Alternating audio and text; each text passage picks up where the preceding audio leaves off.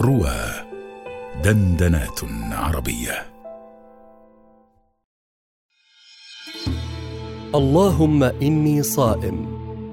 للبروفيسور محمد جمال صقر مع معتز صقر على رواه.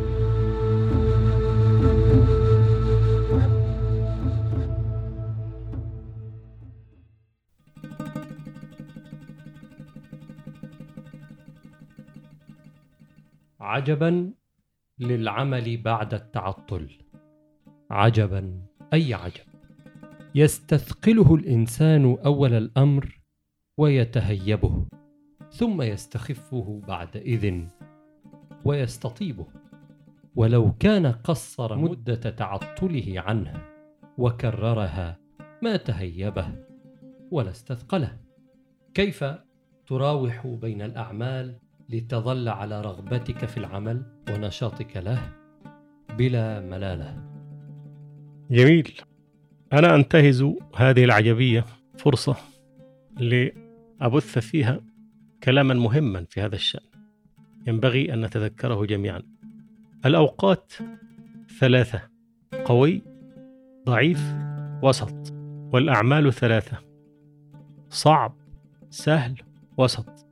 الأوقات القوية هي التي بعد النومة الطويلة والأوقات الضعيفة هي هي البعيدة من النومة الطويلة والأوقات الوسيطة هي التي بعد نومة القصيرة والأعمال الصعبة هي التي لا تعرفها هي الجديدة التي لا تعرفها وأنت أقدر الناس على الحكم عليها. السهلة التي تعرف مسالكها وتعرف من أين تدخل إليها وكذا. فمن الحكمة أن تعمل العمل الصعب في الوقت القوي والعمل السهل في الوقت الضعيف والوسيط في الوسيط. هذا هو. فأنت إذا كنت تنام مثل هذه الأيام مبكرا وتقوم مبكرا فأقوى أوقات أوقاتك بعد الفجر بعد الإفطار بعد صلاة الفجر تعمل. فعليك أن ترتب أعمالك على أوضاعك هذه. أنا أرى أن القراءة أصعب من الكتابة. وهذا رأي يستغربه كثير من الناس. صحيح. وربما قالوا هذا لأنك خبرت الكتابة وكذا لا.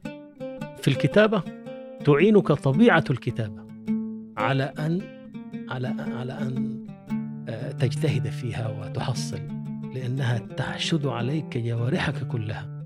تحت حتى إنك ربما لم تنتبه لمن يمشي حولك. أما في القراءة اجعل هذا مقياسا. أنا أدلك الآن على مقياس. متى تنتبه إلى من حولك أكثر؟ في أثناء القراءة أم في أثناء الكتابة؟ واحكم أنت. أنا أنتبه في أثناء القراءة إلى من حولي أكثر مما أنتبه في أثناء الكتابة. معنى هذا أن طبيعة الكتابة تساعدني على التركيز وهذا يسهلها. أما القراءة فأنت كأنك كأنك تفك حجاب ساحر. ما الذي أراده هذا الرجل؟ وتظل تعاني. تظن أن القراءة سهلة؟ لا القراءة أصعب. فلهذا أقترح أن تجعل القراءة في الوقت القوي في الوقت القوي حتى تستفيد من قوتك لاكتشاف هذه المجاهل. والأمر أصعب مما تتخيل.